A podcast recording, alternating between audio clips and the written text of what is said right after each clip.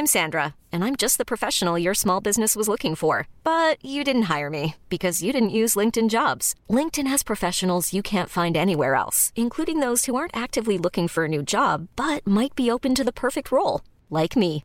In a given month, over 70% of LinkedIn users don't visit other leading job sites. So if you're not looking on LinkedIn, you'll miss out on great candidates like Sandra. Start hiring professionals like a professional. Post your free job on linkedin.com/achieve today.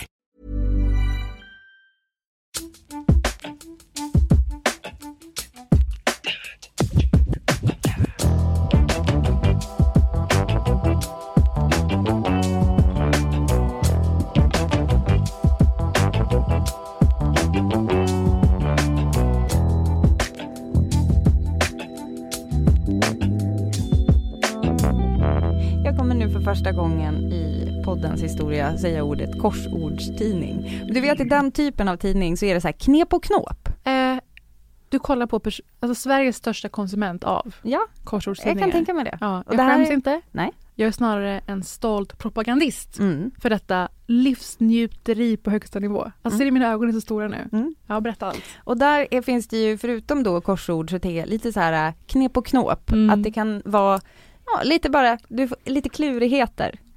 Åh, åh, jag mådde lite dåligt av att säga det Ja. ordet men ah, här kommer klurighet. Nu ska du få en grej som kanske är lite krånglig att förklara. Men jag ska säga så här, du ska sätta ihop den här meningen Igår var dagen då blank mötte blank. Och då har vi liksom en A-spalt för första ordet och en B-spalt för andra ordet. Okej. Det är krångligt att förklara men du kommer fatta nu. Så igår var dagen Då A in innan du börjar B. läsa nu. Mm. Så säger jag så här. Är det här alltså skräddarsytt för mig eller har du snott det från en korsordstidning? Nej, det är skräddarsytt för dig. Nej, Mm. det är det finaste jag vet. Och Det är eh, effort. du ska få sammanhang också. Mm. Sammanhanget är att det i dagarna har blivit officiellt att vi får en tredje säsong av Bondgården. Nej! Ja! Gud vad roligt! Och då har vi börjat filma. Gud vad bra. Och För det har precis gått en andra säsong. Och då tror ju folk att det där är väl bara att ja, filma sista avsnittet gick i tisdags. Ja, det Mm. där är väl bara att filma och lägga ut. Det är Ja. så mycket jobb bakom hörni. Man ser ju det när du bygger gäststugan. Ja. Alltså det börjar ju i typ november. Det är så och mycket jobb. det är så mycket jobb! så vad kul! Så när får vi se det här nästa vår? Ja, det är som att de bara, ni får, det blir en säsong tre, vi bara yay! Och sen bara, åh helvete vad mycket Ja. jobb. Men Ja. är det nästa vår eller inte? Ja men det kommer nästa vår. Kanon. Så det får man vänta jättelänge på. Men då är det så här att eh, det första dagen med inspelning då, Mm. så hände den här situationen där då den här meningen kommer ifrån. Så det är igår var dagen Mm. då A mötte B. Mm. Och då för A har du följande alternativ att välja på. Motorsågen, Mm. en tupppenis Mm. eller lammdiarré. Mhm. Okej, igår var dagen då något av det mötte fel träd, Mhm. mitt öga Mm. eller mitt knä. Jag tror på A. Det var någon slags diarré tillhörande ett djur. Okej. Vad var det för djur? Lammdiarré. Igår var dagen då lammdiarré Träffade mötte... ditt öga. Det är det jag hoppas på i alla fall. Har jag Det är rätt, tyvärr eller? fel. Nej! Eh, Nej! Okej. Vill. Alltså det Kan inte vara mot, det kan inte vara motorsåg och knä. Du hoppar ju runt här som vanligt. Du ser helt oberörd ut. Jaha? Nej. Nej. Det var bara en tidsfråga. Hur kan det inte ha hänt ännu, tänkte jag. Gud Jag hemskt. satte motorsågen i mitt eget ben Paris. Nej men Britta, alltså jag menar verkligen när jag säger det här men det var verkligen bara en tidsfråga. Att det inte var en, en yxa på en tå är ju ett under. Jag vet, men, Men jag vill också hände? säga, jag måste Ja. också säga för liksom ordningens skull att det har faktiskt också hänt att en tupppenis tyvärr mötte mitt öga eller i alla fall min Mm. McCornea. Att jag råkade tyvärr se. Jag stod ner böjd och höll på och grejade med en plantering och kikade åt sidan och där var det Eh, tyvärr en tupppenis. Förlåt men det är inte i de situationerna en penis slår en i ögat. Nej, och eh, en lammder, eh, Det lammdir- låter väldigt fabricerat att det var så du fick en penis i ögat. Oavsett djur. Jag är svår, Carry on! fort, fortfarande svårt traumatiserad eh, av att ha sett en ankpenis. Vet du att de är som korkskruvar? Jag vet! Alltså det Britta, är så äckligt! Britta! Nu lyssnar du på mig. Jag har tre kuriosafaktan som Ja. jag alltid säger till folk. Det ena, är att John Hamm breakade vid typ 40 års ålder. Ja det är kul. Men jag har så mycket sånt. Det är inte, det är inte, det är inte ankpenis. jag har mycket men... sånt. Morgan Freeman, Amy Poehler, late bloomers. Ja. Min andra kuriosa fakta är att Tyskland och Sverige har nästan samma landsyta. Men i Tyskland bor det närmare 85 miljoner människor kontra våra 10. Ja, På tal om att Sverige skulle vara fullt. Ja. Och sen nummer tre, kuriosa. Ja. Bara människan har en slät penis. Rak penis. Dessutom rak. Och dessutom så säger man ju att det är bara människan som njuter av sex. Men vänta, slät penis? Ja. Hundar, de fastnar i varandra. Det här vet Ja. ju du. Det kallas att de hänger, vilket är så vidrigt. Alltså Ja. det finns så mycket som är så vidrigt med... Men alltså ditt, att du Men inte, du- att ni inte, vänta nu, jag kräver någon slags anatomi eh, avsnitt. Alltså kommer, får jag bara fråga, jag kommer aldrig vilja visa en ankpenis för att det är så här, you, you can't unsee. Nej, men är Alltså, det jag okej mådde dessutom? Är det, är det exploatering? Måste det ju vara. Det är ju Ja, deras det finns säkert, det finns säkert djurvänner som vill argumentera för. Kan du bara svara på varför är den som en korkskruv? Är för att den För ska att fastna? ingen ska få ha det bra någonsin som. Men hur gick det med knät då, då? I vilken situation hände det här? Nej, Alltså det var helt sjukt. Jag skulle ta ner ett träd och så stod jag med benet på trädet. Mhm. För, att, Ah. för att säga det lite snabbt för den som inte har sågat ner träd Mm. eh, så kan jag bara säga så här, om du tänker att du har eh, att du ska såga av en stam så kommer det som när du typ är halvvägs så är det ganska ofta att eh, stammen börjar luta sig mot Mm. motorsågsklingan så att det klämmer fast den. Mm. Och då måste man liksom trycka på den, det är därför man ibland kan folk ha sett att man gör som en klyka på andra sidan, sågar ut först så att man vet åt vilket håll det tippar, men det här var ett lite mindre träd. Men då är det som att det klämmer fast och då tänker jag så här, äh, vad fan, och så sätter jag foten mot Mm. för att spjärna och liksom trycka då på, Och du tänker också att det det. här ser jävligt coolt det här ut. ser jävligt säkert ut. Ja, jag ser så det sjuka är ut också nu. att jag har särskilda skyddsbyxor Ja. som är konstruerade att när man sätter sågen i dem så innehåller de, det är inte typ kevlar eller något utan Mm. det är tråd som liksom eh, trasslar in sig i kedjan så den stannar av trådens kraft. Liksom. Det är ganska, ja visst är det Ja. coolt. Mm. Men de hade jag inte nu. Mm. Av oklar anledning. Jag har dem alltid. I De är Sagan, ganska om varma. ringen, I Sagan om ringen så har han Mithril Ja. mina fantasyfans. Ja exakt. Eh, Det är alvernas eh, mina speciella älsklingar som har konsumerat fantasy istället för att idka sig, idkas Ja, i högstadiet. ja. Vi minns det här. Eller är det inte, är det inte sådana som idkar på live istället nu för tiden? Jo, något ska man väl ha. Men eh, Mithril i alla fall. Så det är väl typ det du hade på dig och ändå. Men visst är det alvernas rustning? Mm. Ja.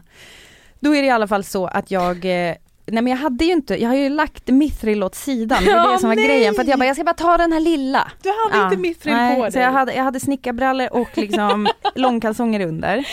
Ehm, och eh, då är det som att jag ställer det där mot, eh, liksom benet mot och sen, sen när den släpper, för sen så Mm. såg jag ju igenom Ja. och då, vad händer med mitt ben då? Då faller ju det och då herregud. sätter man kanske, man kanske tänker att då hamnar det på marken. Mm. Nej för då var det en sluttning precis där. Så att istället så faller jag, alltså du vet när man inte bedömer att, när marken är där man inte har tänkt Mm. att den ska vara. Den är lite längre ner. Han du skrika till motorsågen Not the face! I'm an influencer! Not the moneymaker! ja. Eh, nej men då eh, så... Då är i alla fall motorsågen i luften. Vänta, hade jag varit Jennifer Lopez hade jag fått ut på försäkring nu, eller hur? Jag tror att du också Britta kan få det för Mm. dig. Ja. Mm. Ja, Intressant. We'll look into. Someday när SVT inte hör av sig om flera säsonger. Mm. We'll look into. Exakt. Ja, till saken har då att jag satt inte, det var inte med full kraft, jag hann liksom släppa, alltså det är ju kedjeskydd och grejer, men jag kommer inte Mm. ihåg hur det här gick till. Jag vet bara att den åkte igenom brallorna, Mm. jag känner så här, det är något som droppar Äh. i min byxa när jag börjar gå mot Kalle och teamet och jag bara, Ja. det har hänt en grej, Mm. det är nog ingen fara. men, Ni, vill- men ni vill filma det här? ja, Helt ärligt nu, tänkte du, hoppas någon fick det där på film när det hände? Eller att Eh, nu ja. måste någon börja rulla? ett- 100 procent Man är så jävla arbetsskadad ju, att man direkt bara, hur ska jag Nej, men, med det här? nej, vet du vad jag Nej. kan säga? Jag kan säga helt ärligt, jag kan argumentera för det rimliga i Mm. att om man någonsin ska skada sig jätteallvarligt, då är det väl, då är det väl på sin plats Mm. att det i alla fall finns filmat. Nu ska jag ber- berätta för dig. Ja. Eh, Kobra-avsnittet vi gjorde i Barcelona, Barcelona. Barcelona, som handlade just om den katalanska motståndsrörelsen och de protesterna, de bygger ju mänskliga torn. För Mm. Ah. att liksom bli stora och synliga. Det är någon eh, antik... Det är någon katalansk grej. Ja, det är någon katalansk grej. Ja. Ja, jättefint. Vi där pratade med dem och visade det. Givetvis slutar avsnittet med att det faller. Och man ser att jag slänger mig bakom kameran och ropar Fick ni med det där? Så tack för allt SVT Kultur och Kobra. Men okej, de fick inte med just Nej. sågandet. Nej, men och jag hoppas att eh, såret är okej. Alltså Mm. det, det, blev, det blev ett sår men det blev inte jättehemskt. Mm. Nej men det, det, var, det var, då fick man känna att man levde. Nu ska jag spela ett klipp för dig. Det trodde Hemskt du inte gärna. va? Jo, jag, jag hade Det det är känt. kul med klipp. Det är lite det som är våran grej. Jag tänker eh, inleda nästa grej, ämne med ett klipp som jag hörde i vardagsfilosofiska rummet. Det är Kristoffer Garplind och eh, Hanna Hellqvist. Är det här P3? Ja, på P3. Vardagsfilosofiska rummet. Jaha. Du, det finns ju ett filosofiska rummet på P1, är det Ja. det du tänker på? Ja, men jag fick pu- puls. Men jag fick puls nu med. Det var bara att jag inte kände igen det. Då har de två kända gäster som eh, får ta ställning i typ moraliska dilemman. Det här är ju en, ett ganska vanligt grepp. Det gör det inte mindre kul. Mm. Jag tycker det här är underhållning på enormt hög Mm. nivå. Hanna läser ett dilemma, ett svårt dilemma.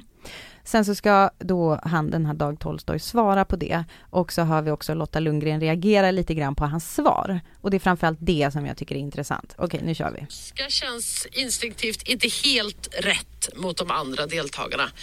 Vad gör du, Dag? Ja, gud. Jag balanserar på en lina här bara, så... så nej, så jag vet inte. Nej. Va, vad Jag kan säga någonting. det är man hör någon säga så i media. Jag har börjat känna det mer och mer. Och det brukar vi prata om. Vad skönt det är när folk inte har tvärsäkra svar på allting. Utan kanske bara mer öppna med att jag vet inte så mycket om det här. Ja, Ja. och alltså både så här, jag vet inte så mycket, alltså jag vet inte tillräckligt för att uttala mig. Kan man ju ibland känna att man skulle ha haft någon att säga istället för att de tvärsäkert eh, Men- killgissar i många Men fall. när det inte är sakfrågor och man är inbjuden som en gäst till ett underhållningsprogram. I det här fallet kan man tycka att bara dra till med något för i helvete.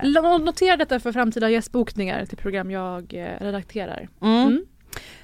Men i det här fallet, men alltså jag tycker verkligen att Lotta är liksom on point för jag kan det kan finnas liksom ett klimat nu lite grann också där man är ganska tvärsäker till höger och vänster om olika saker och det gör ju, eller den typen av tvärsäkerhet kan jag tycka ibland blir som på bekostnad Mm. av att vi bara, att kan vi typ diskutera det här lite Mm. grann eller kan vi så lyfta typ de olika för och emot eller kan vi, kan vi typ ha så här ett samtal där vi bara tillsammans typ utforskar det? Jag vet att det här låter superflummigt, allting Nej. jag bara men Britta- tillsammans utforskar, Britta. men du fattar vad jag menar. Ja, Ja. alltså tillbaka till när du sa utforskare eller vad det var för Ja. någonting. Eh, alltså det blir ju för ensidigt och det blir på bekostnad av det som kan födas i en diskussion.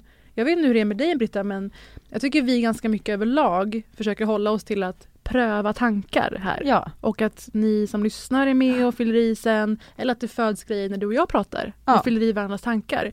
Och det uppstår ju inte när man nu har krönikor från ena hållet och långt borta åt andra hållet och båda bara kastar attacker på varandra. ja och att det går ut ingenting. på att liksom det finns en universell sanning. Mm. Att det inte är så mycket nyanser och det var därför jag tyckte att det var så skönt när vi förra veckan lyfte det här surrogat eh, mö- mödraskapsfrågan och vi, diskussionen fortsatte på Instagram och det, ehm, Det hölls nivå överlag. Nivå hölls, exakt. Så nu tänkte jag ge mig in i en liknande grej då. Eh, Ska vi utmana er idag? ja, Välkomna. och jag kommer ta upp Billie Eilish.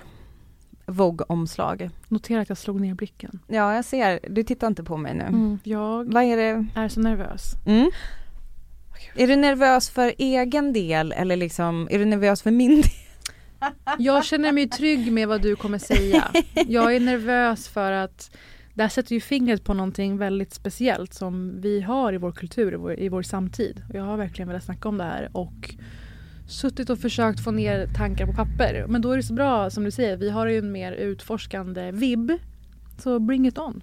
Billie Eilish har då, vilket jag inte tror att någon av våra lyssnare har missat, gjort ett omslag av brittiska Vogue där hon, till skillnad från typ alla andra gånger hon har synts i media och privat, så har hon eh, en väldigt eh, avklädd stil Mm. kan vi väl säga. Alltså det är svårt att säga också och beskriva den här bilden eller de här bilderna utan att lägga någon slags värdering men det är, eh, hon är klädd i lite typisk så här ehm, man kan dra referenser till Madonnas Vogue-period. Erotica. Eh, ja och eh, kanske lite Marilyn Monroe, alltså Det det, är här det är absolut, korsett, det är, eh, det är, alltså det är underkläder är det. Det är underkläder och det är 50-tals pin-up-stil. Och det är inte grönt hår som hon brukar ha eller liksom olika Mm. sådana utan det är blond, liksom blekt blondin. Eh, för att rättvist återge i, i tal den här bilden så skulle jag också vilja tillägga att hennes min är den är inte så, den är inte så inlismande eh, som, ja men i övrigt den är så ganska konfrontatorisk tycker jag. Eller den Ja. är ganska här är jag. mm, Eh, vi kommer kanske komma in på det ytterligare mer och dissekera bilden. Men det kan man absolut lägga in som Ja. du säger. Den är inte male gaze, precis. själva blicken. Det kan vi ju konstatera. Och reaktionerna på det här har ju då inte låtit vänta på sig Mm. och en del i det är nog att Billie Eilish ja men alltså väldigt mycket har gjort sig känd just för att hon har, eh, till skillnad från typ alla Mm. andra i hennes skrå, eh, inte fokuserat så mycket kropp eh, utan det handlat väldigt mycket om typ det hon säger och det hon gör. Hon producerar musik och det har eh, kanske, alltså väldigt många har nog älskat just det med henne. Att det inte Ja. är utseende som är grejen. Alltså inte bara det. Jag älskar att du sätter henne i kontexten. Kraven som finns på kvinnor i hennes bransch. Hur de ska se ut och verka för att få rubriker, omslag, Instagram-likes. Det är väldigt avklätt. Det är bodys och det är, jag vet fan vad det är. Ehm, och då har ju hon särskilt sig mycket där. Hon blev ju känd när hon var väldigt ung. Ska man lägga in i ekvationen. Absolut. 14-15. Mm. Eh, man fortfarande växer, man är i puberteten och sådär. Man är kanske obekväm med att bli bedömd. För inte bara så har hon utmärkt sig att hon har de här baggy kläderna och väldigt lekfullt hår och den stilen. Dessutom har hon poängterat i en intervju för några år sedan att hon har valt att klä sig så här för, för egen del. För att hon upplever att det är en omöjlig situation. Att om man visar sin kropp då blir det diskussioner om man är thick, om man är sexig, om man är het, om man är det. Mm. Och att det distraherar från musiken och jobbet. Så jag har sett det mer som en coping mechanism. Mm. Jag har sett det som hennes överlevnadsstrategi att verka i den bransch hon har vuxit upp i. Snarare än ett politiskt statement för alla. Mm. Förstår, förstår du vad jag menar med den? Mm. Hon, det har varit hennes sätt att uthärda. Snarare än så här borde alla göra. Mm. tycker hon aldrig har haft den tonen. Hon har snarare varit väldigt eh, noga med att slå ner på slutshaming och sånt. Våldtäktskultur i sin musik. Ehm, men ja, det här var ju ett tydligt bryt från det. Verkligen. Och ehm, nu, är, för det du sa nu, det är ju då en intervju från för några år sedan. Eh, och nu är hon 19 år. Mm. Och eh, det som eh, man kan säga, alltså ni förstår ju själva men, men alltså säga bara lite snabbt då att kritiken har ju såklart rört det då att hon helt plötsligt då blir som en mainstream, alltså den här typen av tonalitet i bild är ju inte något nytt, alltså även om det är nytt för henne så är det ju då inte nytt för eh, sättet man porträtterar typ eh, gärna tjejpopsensationer. Men inte bara gärna utan mer eller mindre uteslutande. Precis. Får jag och jag det tror att många känner sig svikna liksom. Ja, jag vill bara säga det att inte bara för egen del känner jag mig, känner att det var befriande med hennes tidigare stil. Alltså hennes Utan- klädstil tidigare kan man säga, eh, typ så, så här, eh, alltså stora t-shirts och typ baggy. Alltså Alltså det verkligen var här, inte stilen i sig utan det var att, eh, gud vad skönt att det inte handlar om kropp alltid och att jag känner mig lite fri och stärkt i det. Det ska ju inte ligga på hennes axlar att det ansvaret att väga upp hur en hel värld fungerar. Men jag kände också för diverse barn, flickbarn i min omgivning som såg upp till henne. Att fan vad skönt det är att det är, ett annan, det är en annan profil, ett annat fokus. mycket Och viktig poäng. det är redan prat om hur TikTok-tjejer ser ut och hur får man en sån kropp. Ja. Så jag alltså prepubertetsbarn. Så jag måste bara lägga in det att hon har ju väldigt unga fans men hon blev också känd väldigt, väldigt ung. Det är en omöjlig sits. Eh, jag är inte besviken på Billy som du, som du säger vissa är. Ja, alltså, jag är jag nyfiken tänker- på att veta mer om kritiken. Ja. Eh, men sen så finns det då andra sidan som vill hylla det här som en ehm, feministisk handling kort och gott kan jag väl säga då. Eh, alltså att Billie Eilish har, eh, det har tidningen varit tydliga med och det har hon själv också varit tydlig med att hon har valt själv det här. Mm. Idén kom från henne. Mm. Och faktiskt i någonting som, en text jag har läst som jag kommer att citera från New York Times, eh, som benämner det som en preemptive strike, Mm. att hon i intervjun, eh, alltså tillhörande de här bilderna, Mm. Argumenterar hon också för sin sak. Alltså ungefär, alltså för att kanske mota Olle i grind liksom, att de fattar någonstans att de kommer få en massa Mm. kritik för det här, eller så fattar hon det, så att redan där i tidningen så lyfter hon ju då sina Men jag upplever det som ett statement. Jag upplever det mer som ett statement än en photoshoot. Mm, verkligen. Ja. Alltså hon, hon säger då eh, att eh, my thing is that I can do whatever I want. Mm. Eh, hon säger inte bara det, det vore en kort artikel. Och det vore mycket lättare för oss att prata om. Ja. För det finns några saker i den här intervjun som jag gärna skulle vilja bo- bolla. Ja. Utöver det här jag sagt om hur skönt det är att en yngre flicka i ens närhet, att det är skönt att hon har en sån idol och sådär. Att det väger upp för, gud vad extremt det är. Musikvideos, eh, Instagram, TikTok, det är extremt. Mm. Och jag tror vi alla har blivit avtrubbade.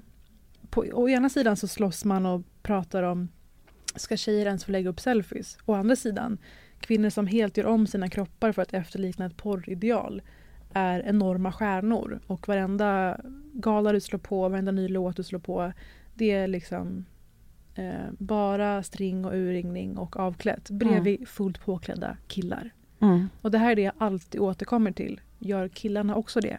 Mm. Behöver killarna också ställa upp på de här premisserna för att lyckas i musikindustrin? Mm. För det är vad det i slutändan handlar om. För att du ska få headlina någon gala, spela på MTV Movie Awards, bla bla bla.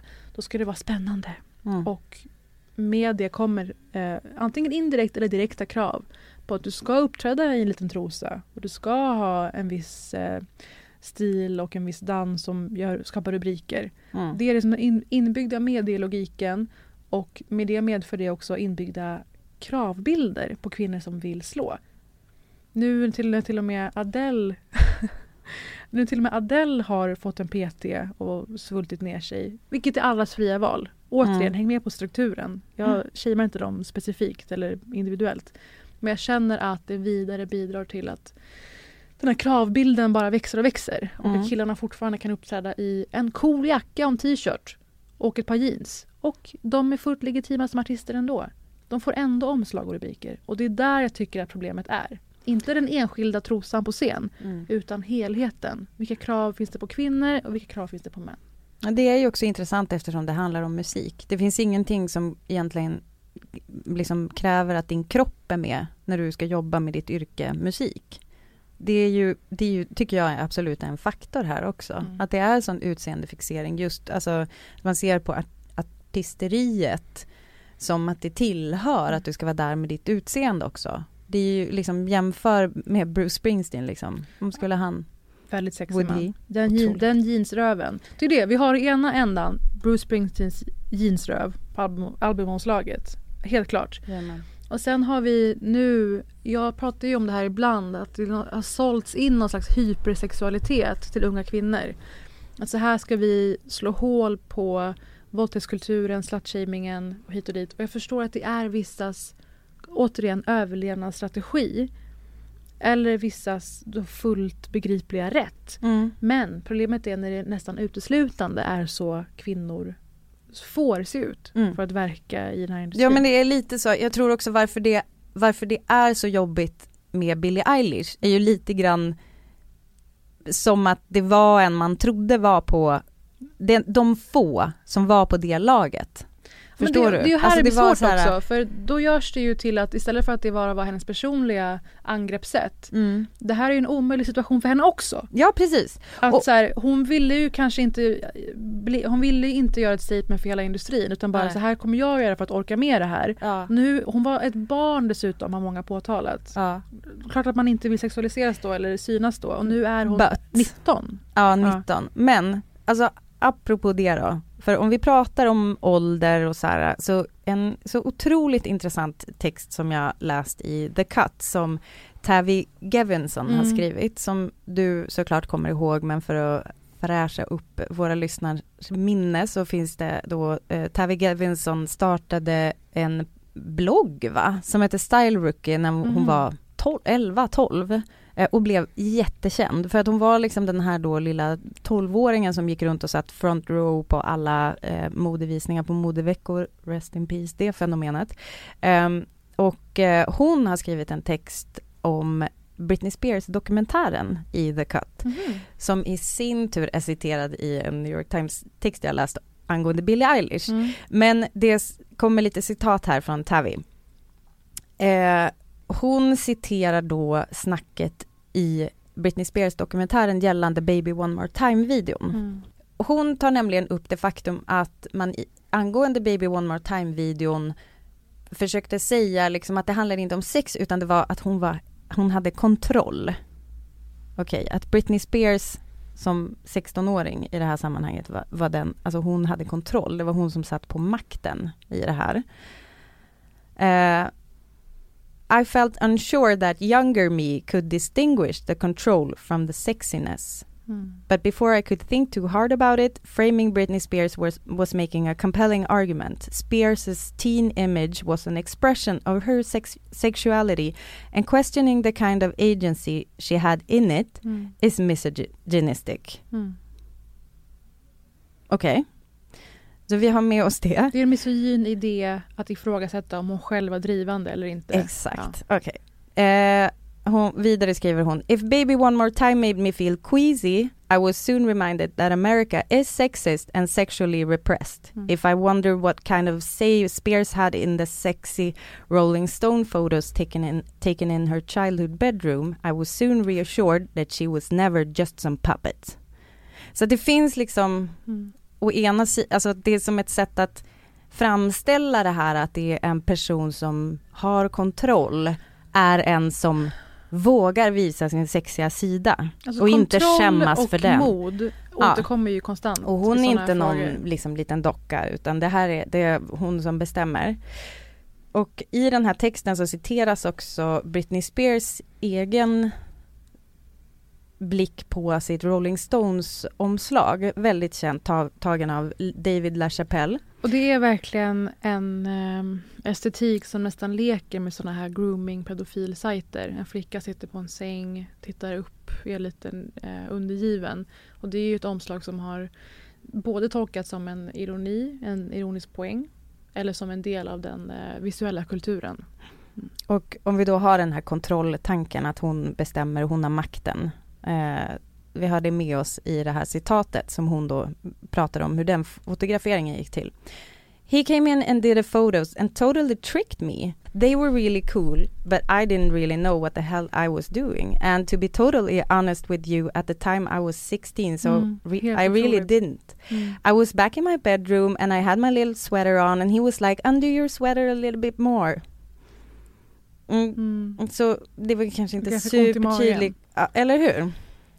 Eh, alltså det vi ska alla kan ju engelska men om vi bara ska kort. Alltså att Britney berättar att fotografen David LaChapelle, en otrolig, eh, otroligt känd fotograf, inflytelserik och lite av en starmaker. De han valde att ta sig an och porträttera. Eh, det var väldigt karriärhöjande. Så man lägger in den maktdynamiken dessutom Mm. i det här så förstår man kanske ytterligare vad det rör sig om.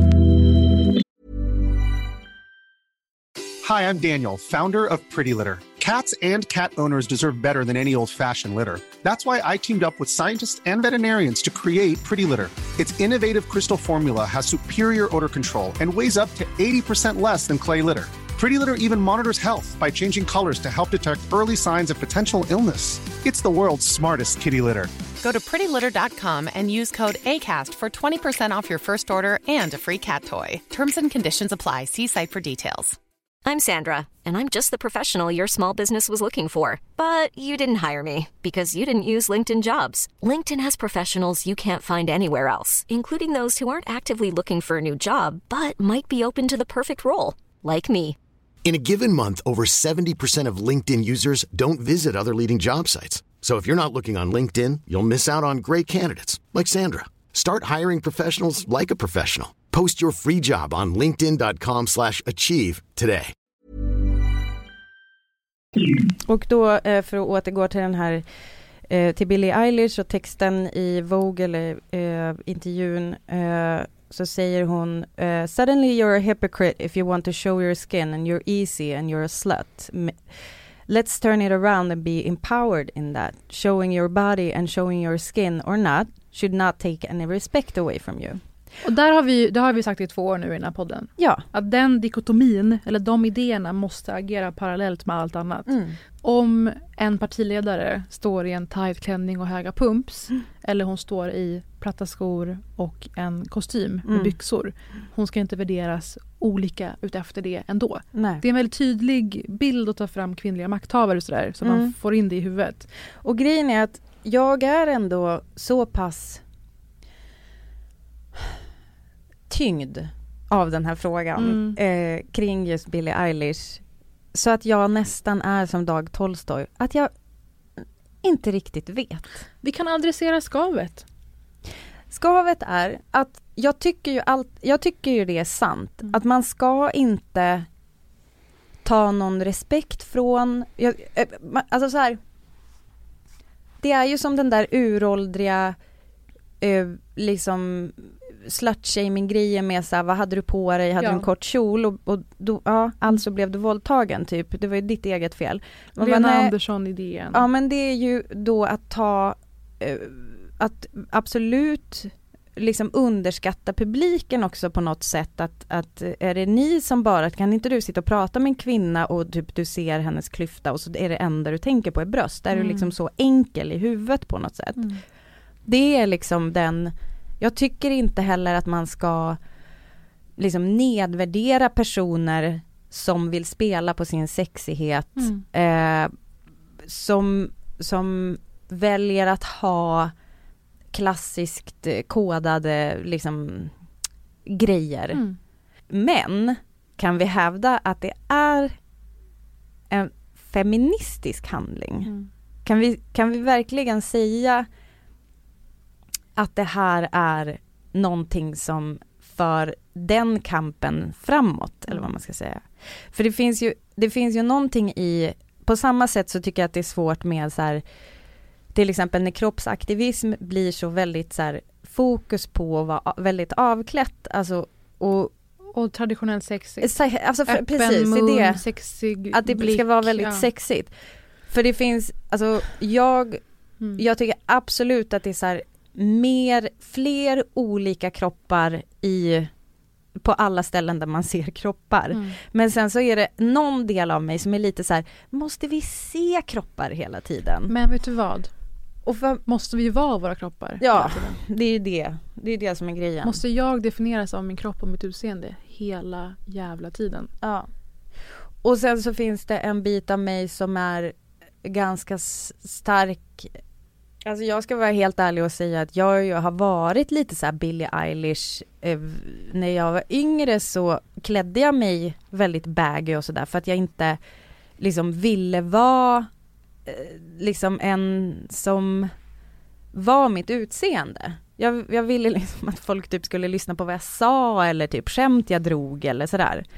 Eh, och det är ju också sjukt. Alltså jag, jag vet att det är ett sjukt beteende för Fast det är det var som ju så när du var yngre. Det Jo, här, jag är, ju ganska, det här är ju en fråga det Ja, händer men det är- väldigt mycket i hela tiden. Ja men det är nog lite, alltså så här, Mm. fortfarande, jag, jag ska säga, alltså jag menar jag Även om jag inte så här, klär mig i baggy jeans längre Mm. så är det ju ändå jag, jag är ju inte liksom känd tror jag som en person som så här framhäver min, mina sexiga Nej, men du är bröst snygg. liksom. Även om det inte är traditionellt sexig, vampig kropp. Du är ju en snygg person och du, det är mycket liksom kläder, det är mycket Och då kan ju vissa vilja dra slutsatser om dig utifrån bara det. Och här kommer jag till det, att fallhöjden. Problemet med Billie Eilish är den enorma fallhöjden. Att hon har, vi har lagt så mycket förhoppningar på henne. Mm. En enskild tonåring har vi lagt så mycket omöjliga förhoppningar på. Mm. Eh, att hon ska lösa upp den här omöjliga ekvationen. Ja. När hon då klär sig på ett sätt som vi aldrig hade reagerat på från en annan artist eller skådis eller vem fan det är. Vi hade kanske repostat själva. Snyggt, fint foto. Exakt. Men när det är hon, då är det så mycket mer symbolik och budskap i. Därför blir det en sån grej. Mm. Och eh, jag har ju som sagt framför allt nåtts av hyllningar kring det här. Ehm, Vilket är intressant. Och det är paradoxalt. Här har vi Billie Eilish-paradoxen. Ja, du ska inte dömas ut eller tolkas annorlunda eller få behandlas respektlöst Nej. om du har på dig en trenchcoat med underkläder under eller en byxdress alla Angela Merkel. Men paradoxen ligger i, kolla vilken uppståndelse det blev, kolla vilken uppmärksamhet det blev när Billie valde att klä sig annorlunda och dessutom mer avklätt. Och där ligger det något som skaver för mig. Det är där det ligger. Den här bilden nådde en miljon likes snabbast någonsin. Alltså på Instagrams Ja. historia. Så då, Mm. hennes det blev ett rekord av att hon la ut de här bilderna. Eh, och det är ju där det ligger. Att aha, det är fortfarande de premisserna vi snabbast avancerar på i våra karriärer. Det, där ligger det ofrånkomliga. Där ligger skavet. Oavsett om det är Billie Eilish eller Megan Thee Stallion eller vem fan det nu är. Mm. Där ligger det som man känner är också ett fängelse. Det var ett fängelse att Billie Eilish känner sig tvingad att bära allas förväntningar och hopp Mm. på att hon ska vara den här baggy eh, short-tjejen. Det är inte heller livable. Det är inte heller ut- eh, hållbart. Nej, men inte, alltså- inte schysst liksom. Nej men och att överhuvudtaget det här att liksom varenda jävla kvinna ska, ska liksom vara förebild förväntar sig folk. Och det är det här jag vill komma till. Att Det är jävla allt, oket. allt kvinnor gör är heller inte feministiskt. Nej. Även om man är feminist i sig. Varenda grej jag gör i mitt liv är inte feministisk. Om jag tar trapporna istället för hissen någon dag. Mm. Om jag eh, torkar av mina fönsterbrädor. Allt jag gör är inte feministiskt men vi har så mycket högre kravbild och fallhöjd på kvinnor som har tagit något anspråk någonsin. Mm. Så här har vi då premisserna och kraven för musikindustrin i stort. Och vi har också kvinnor i allmänheten och i offentligheten i stort. Att vi måste uppnå en viss nivå med vårt utseende där männen inte har samma krav. Som sagt, skulle jag reagera om det hade varit en annan kändis som brukar vara lite avklädd? Nej, jag har säkert älskat det.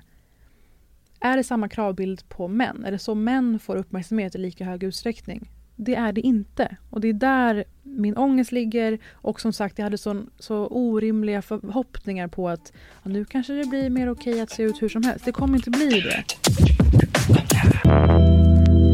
Och sen vill jag prata lite om vad hon har sagt i intervjun. Gärna. Genomsyrad av feminism är den. Fantastiskt. Det handlar om våldtäktskultur. Det handlar om att alla killar tror att det är någon annan som är våldtäktsman. Att det är någon extrem. Och det handlar om att hon upplevde att hon bidrog till slutshaming med att hon alltid hade på sig shorts och sånt. Det tycker jag var jätteintressant. Superintressant.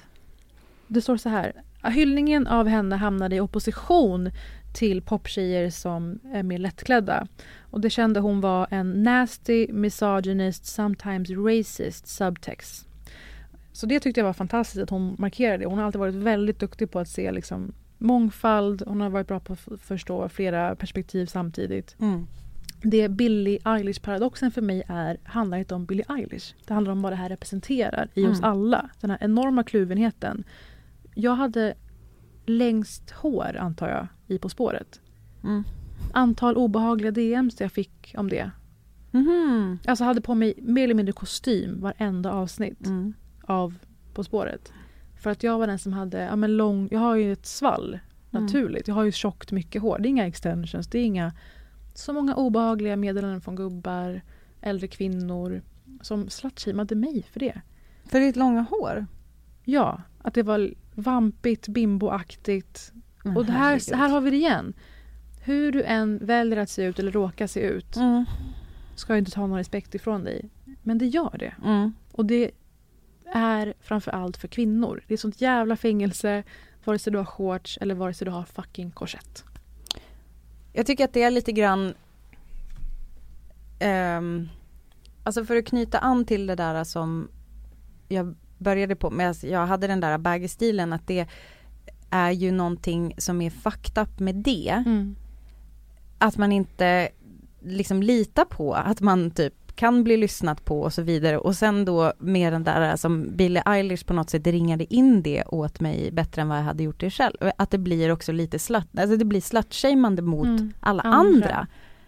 Det är också Eh, jobbigt, allt du gör ska tolkas som en kommentar till alla andra. Jag tycker eh, absolut att vi gör skillnad på också etablissemanget och vad, vad det är för värld som Billie Eilish verkar i, för det är, det är inte hon som har konstruerat den. Mm. Och hennes val att eh, göra de här bilderna är ju lite grann som en slags eh, katapultstol. Hon Mm. skjuter ut sig ur så här, hej, hej då, Men jag vill inte alla- vara i den där. Som alla barnstjärnor som gör ganska kraftiga bryt. Och det här är så jävla obehagligt. Så Vi måste se det från hennes perspektiv. Hon upplever ju att de här jävla fucking idioterna använder mig för att racka ner på andra kvinnor. De använder mig för att mena på att jag är en riktig artist kontra mina kvinnliga musikkollegor som är fantastiska. Mm. Eh, och samtidigt såklart skivbolagsdirektörer som hellre skulle vilja se att Billie Eilish kom i platåskor och en trosa på en gala.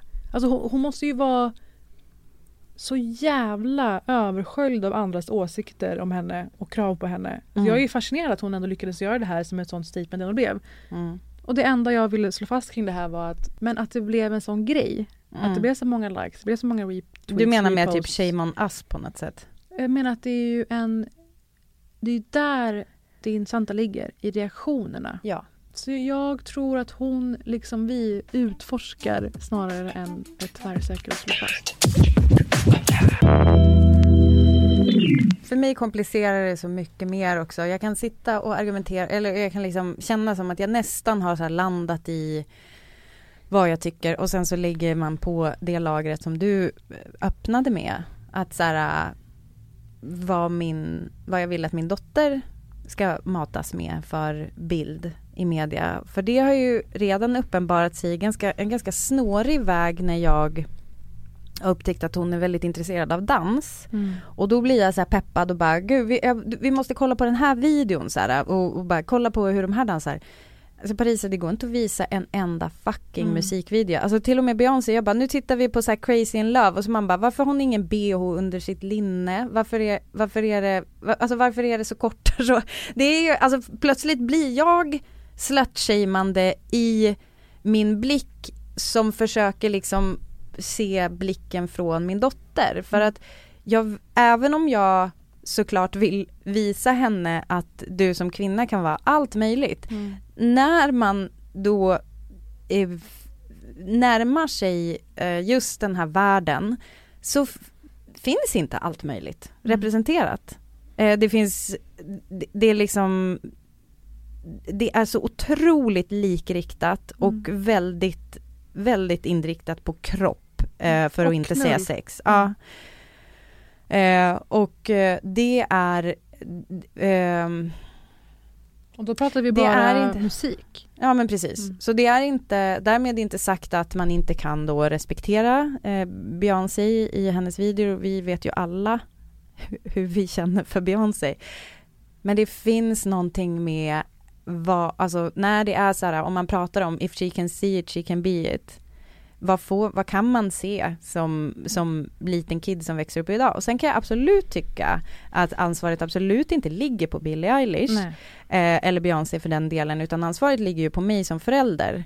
Eh, det, är ju, det är ju det jag tar genom att jag faktiskt sållar i, Ja. i det jag tycker att hon liksom kan exponeras för. Och Och, det här jag vill bara ju- varnande apropå- finger för YouTube. Apropå Framing Britney, när vi pratade om det, eh, den dokumentären, så visade vi ju ett klipp där en sån här konservativ mamma i USA sa att hon vill skjuta Britney Ja men det är ju också det. för att hon är avklädd i videos. Ja. Och Britney var så här, men jag kan inte vara dina barns eh, barnvakt. För, och det är kanske är det, att det är någon slags åldersgenerationsproblem. Att allt innehåll är inte för barn, för de förstår inte de analyserna vi går igenom nu Nej. och förklarar. Eh, men sen också att det är så uteslutande en enda grej. Mm. Och att kvinnor i större utsträckning självskadar sig, kvinnor i större utsträckning har sex mot sin vilja. Till och med ibland uttalad mot sin vilja, när det är Mm. rena liksom, vå- våldtäkter. Och att det finns ett problem med att kvinnans kropp blir till eh, inte bara att den är sexualiserad och ett objekt, att den dessutom blir en handelsvara. Mm eh, pracka på olika behandlingar och köpa olika behandlingar. Snarare än så här, det är det här som får mig att eh, täcka på roliga saker. Det är den här som tar mig till roliga ställen. Jag går dit eller jag tar tuben dit. Att det blir aldrig den här funktionstanken. Man kan tänka så här. Eh, hur hade folk reagerat om Billie Eilish gjorde det här mer över tid? Ja, det är säkert en del av frågan. Mm. Det tror jag absolut. Sen så tycker jag att bilderna i sig, det här 50-tals pin-up-stilen och korsetten och sådär. Det känns nästan som en eh, ironisk kommentar i sig. Ja precis, alltså, Leka med kvinnorollen. det är ju någonting med det också för att hennes blick Mm. är inte typisk. Om vi säger så här för att dra ett exempel som redan har florerat. Det är inte Mm. samma blick som Britney Spears har i sitt Rolling Stone-omslag. Därför att Britney Undergiven. Spears ligger ner på Mm. en säng och så här. Om, för, för det tycker jag också är jätteviktigt att prata om och något som jag har jobbat med ganska mycket eftersom jag har jobbat med reklam. Mm. Det har jag aldrig sagt förut va? Eh, nej men alltså i just så här hur, hur folk porträtteras också, hur tas bilden och det är en sån där eh, undersökningar man kan roa sig själv Mm. med att göra och bläddra igenom en dagstidning och se liksom vilket uttryck har männen, vilket har kvinnorna trots att de kanske jobbar på en bank och är så här eh, jättemäktiga i det så kanske Mm. de ändå har så här lite flörtigt leende och så vidare. Mm. Eh, och där är ju Billie Eilish, eh, alltså jag menar hon har inte, alltså känslan är ju ändå på något sätt att hon, hon är inte undergiven i det, Det är ett här enda alls. stort fuck you. Mm. Det är upproriskt. Så Ja. känns det. Precis. Eh, och det spelar också roll. Ja. Så att, eh, ja, nej jag vet inte vad jag fucking tänker. Men jag är jättenyfiken på att höra vad alla ni Verkligen. tänker. Så som vanligt, kliv in på Britta och Det är som att vi har Parisa. startat, eh, alltså som att vi eh, så här, har bestämt oss för att slå någon slags rekord i diskussion på internet. Men det är, jag tycker att det är, det är liksom, det berikar oss att höra vad ni tänker och, och det är väldigt intressant också att du och jag har ju liksom helt olika bild av vad folk har tyckt också. Mm. Därför att vi lever ju såklart i våra filterbubblor och algoritmerna ser till att vi nås liksom av vissa saker och också beroende på vilka vi följer och så vidare. Så att det kan vara mycket, det kan mycket väl vara så att jag har helt fel och att det här, alltså att jag bara hade en jätte, Nej, nej. Så här, tre, trång slice, Alltså Billie att det på Eilish det har ju stora själv hela hyllas rakt av. Billie Eilish har ju själv kommenterat viss eh, del av slutshamingen som har pågått.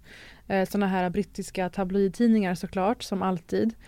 Att hon har avvikit från sina ideal, hon har sålt ut sig. eh, Som tidningar själva har tyckt alltså. Ja, ja. Ja. Eh, proof that money will change your values. Att för att man Ah. får större, eh, man reachar out mer, eller man får större räckvidd kanske. Ja. Och med det tänker de pengar, att det skulle uppstå direkt i och med det här. Som att hon inte hade pengar innan. Ja, exakt. Och hon har verkligen bemött det här och kritiserat det här på ett jättesnyggt sätt.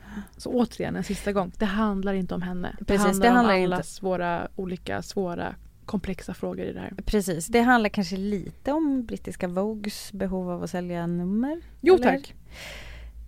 Och också ehm, för mig är det också, det finns också ett lager i det här som givet hennes otroliga skärpa Mm. genom åren och förmåga att också se på sig själv, rannsaka sig, själv och fundera över liksom vilken, vilken roll spelar jag i det här sammanhanget. Mm. Även om hon bara är 19 år så finns det någon sida av mig som ändå är lite så här, ja, kanske var det typ det här hon ville. Att vi skulle diskutera det och därmed på något sätt så händer det ju någonting. Eh, jag kanske inte köper att det är empowering i sig Nej. att göra de här bilderna men hon som person ehm, att hon sätter igång liksom de här diskussionerna Mm. Ja. hos oss kan mycket väl vara liksom en del av hennes Mm. eh, masterplan. Mm. Jag utesluter det inte. Mm. Det känns som det. Eh, Så läs gärna intervjun på British Vogue och eh, återkom till oss på Britta och Parisa med fler exempel, analyser, takes, vinklar, allt vad det må vara. Och som sagt försöka hålla det ganska strukturellt och eh, övergripande. Och inte så mycket, även om Billie Eilish inte kommer kliva in själv och bli kränkt. Hon kommer inte bli kränkt.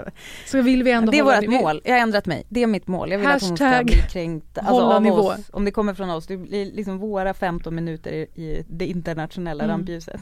Hashtag hålla nivå i alla fall på Britta och Parisa. Vi ser fram emot det. Och nästa vecka, Jag har ett litet PS först. aha kör. Jag kommer att tänka på en ännu tidigare än Miley Cyrus. Och jag kan inte den här historien eh, exakt, men jag tror att Jessica Biel Ja, ja, var gud. en bland de första för att hon hade ett jättelångt kontrakt med Seventh Heaven. Tre, två, ett. Seventh heaven When I see their happy faces Smiling back at me Seventh heaven You know there's no greater feeling Than the love of family Where can you go When the world don't treat you right Ja, du ser. The answer is home Alltså det här skulle kunna vara en persisk eh, låt Mm, I lite olika tonarter. Eh, den En djupt kristen serien, serie. den djupt kristna serien som hon var med i och eh, enligt då den här historien som, så som den är ur mitt minne så är det att hon ville komma loss från sitt kontrakt. Eh, TV-kanalen ville inte låta henne för hon var såklart liksom deras absoluta dragplåster Mm. eh, och då gjorde hon ett utvik. Eh, och alltså typ Statement bröst. Mm. Eh, och då eh, för att komma loss.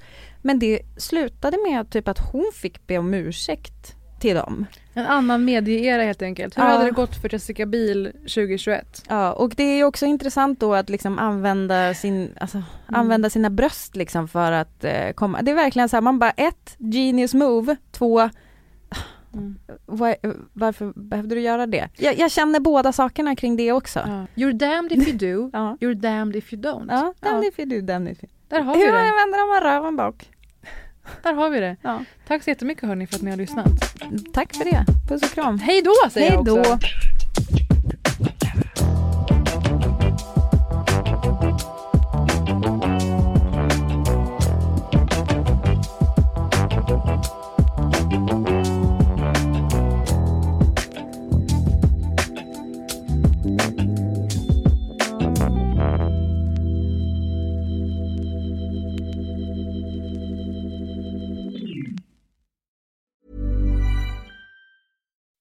When you make decisions for your company, you look for the no brainers. If you have a lot of mailing to do, stamps.com is the ultimate no brainer. Use the stamps.com mobile app to mail everything you need to keep your business running with up to 89% off USPS and UPS. Make the same no brainer decision as over 1 million other businesses with stamps.com. Use code PROGRAM for a special offer. That's stamps.com code PROGRAM.